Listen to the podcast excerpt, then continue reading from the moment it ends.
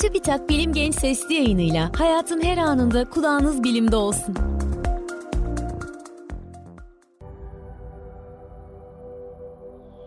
Hafızayı silmek ve yeniden onarmak mümkün mü?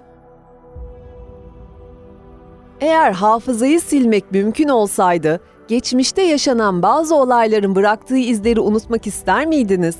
Ya da tam tersi, bazı şeyleri hiç unutmamak, unutulan anıları yeniden hatırlayabilmek nasıl olurdu?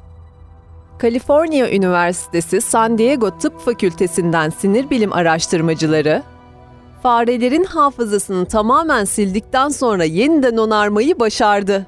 Uzmanlar ilk defa sildikleri hafızayı beyindeki sinir hücreleri arasındaki bağlantıları yani sinapsları ve sinir hücrelerini uyararak tekrar geri kazandırdı.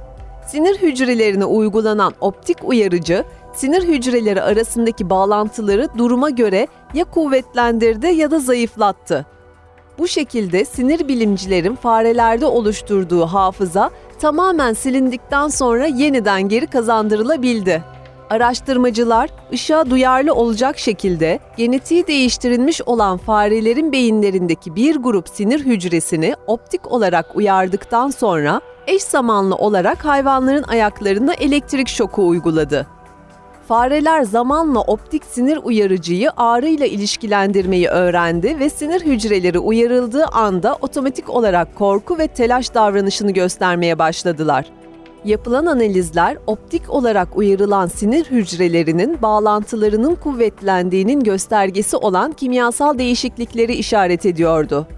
Çalışmanın bir sonraki aşamasında uzmanlar aynı sinir hücrelerine hafızayı zayıflatacak şekilde daha az sıklıkta optik sinyal gönderdi.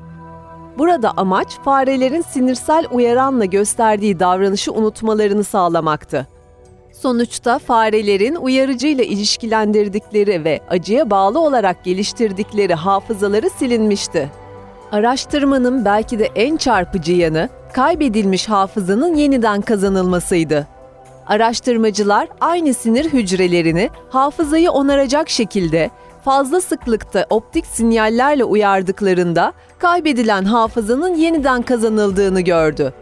Fareler uyarıcının orijinal sinyal gücüyle karşılaştıklarında yeniden daha önce geliştirdikleri tipik korku davranışını göstermeye başladı. Bu süreçte farelerin ayaklarına hiçbir şekilde elektrik şoku uygulanmadığı belirtiliyor.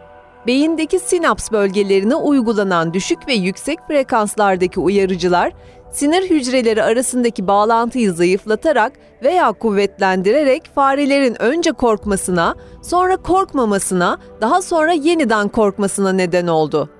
Peki bu araştırmanın sonuçları klinik uygulamalarda nasıl kullanılabilir?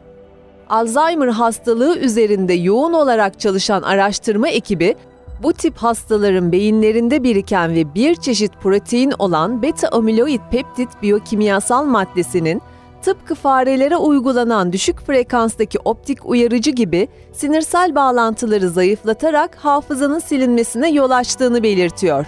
Sinirsel bağlantıları zayıflatan süreci tersine çevirmeyi başaran araştırmacılar, bu şekilde Alzheimer hastalarındaki beta amiloid peptit etkisini yok edebileceklerini vurguluyor. Dünyada 30 milyondan fazla Alzheimer hastası olduğu tahmin ediliyor. Özellikle yaş ilerledikçe ortaya çıkan unutkanlık ve buna bağlı olarak gelişen demans gibi bazı hastalıkların tedavisi için sinir bilimcilerin yaptığı bu tür çalışmalar her geçen gün yeni umutlar doğuruyor.